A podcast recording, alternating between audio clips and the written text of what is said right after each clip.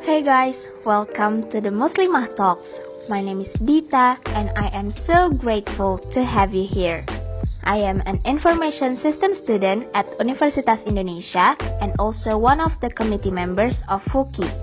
I love telling stories to people and sharing about some stuff related to Islam, women, and tech.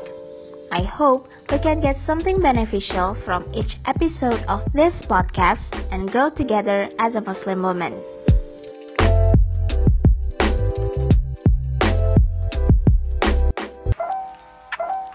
Hello everyone, it's me, Dita.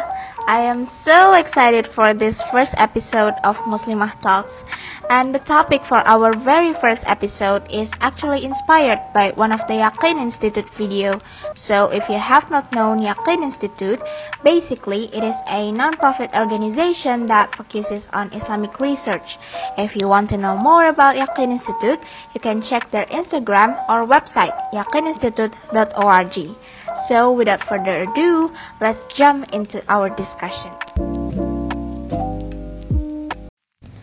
So in this first episode, I want to have a little chit chat with you guys and I will be using English and Bahasa, mix it all together.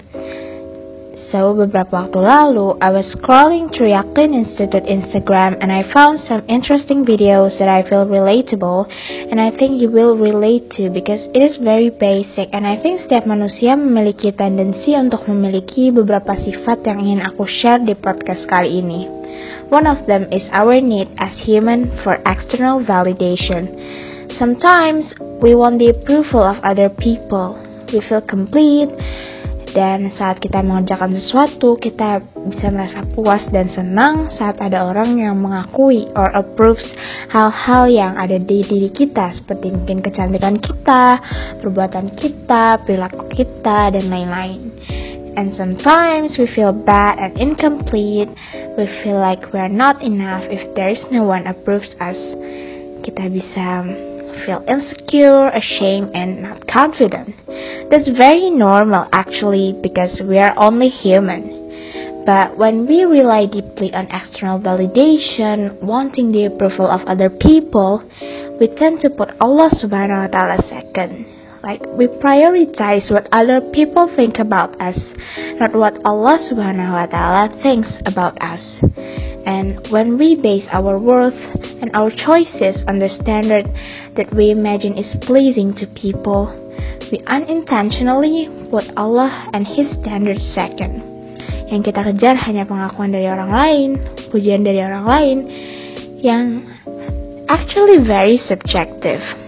For example, we as a woman, we often get body shaming karena adanya beauty standard in our community Like for instance, beauty standard yang membuat banyak orang berpikir bahwa wanita yang cantik itu harus tinggi, putih, langsing. Padahal there is no such thing yang bisa kita jadikan sebagai standar kecantikan.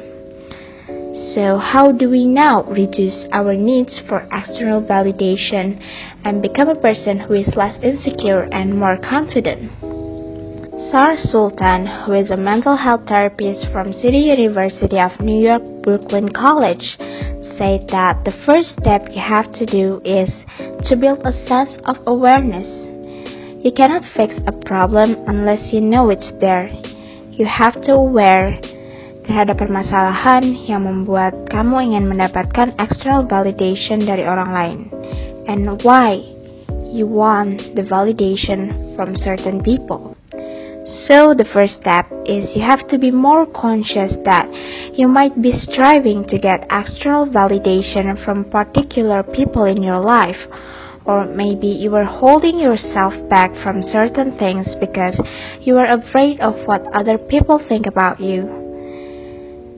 And you also have to aware that the goal of trying to please others, trying to get the approval of others, is an impossible goal. People's hearts are constantly changing. People's opinion are also constantly changing and relying on a standard that constantly changing makes the goal of pleasing every single people in your life impossible. Akan selalu ada orang yang tidak suka dengan mungkin pandangan kita, dengan keputusan kita, atau mungkin dengan fisik kita, ataupun apa pun yang ada di diri, di diri kita, pasti ada orang yang gak suka. Gak mungkin semua orang bisa suka sama kita. I know it is always easier to say it than done, but I hope this podcast can be a reminder for us that it is okay to be unique, it is okay to be different, and it is okay to be not validated by people because we have our own mind, our own choices, and our own perspectives.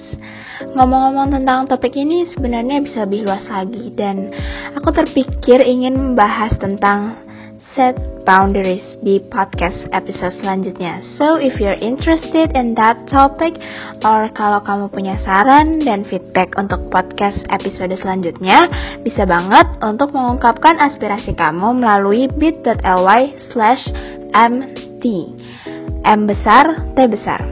Okay, guys, I think that's all from me. Thank you for listening to this podcast. I hope you have a nice day and a great week ahead. Bye! See you on the next Muslimah Talks.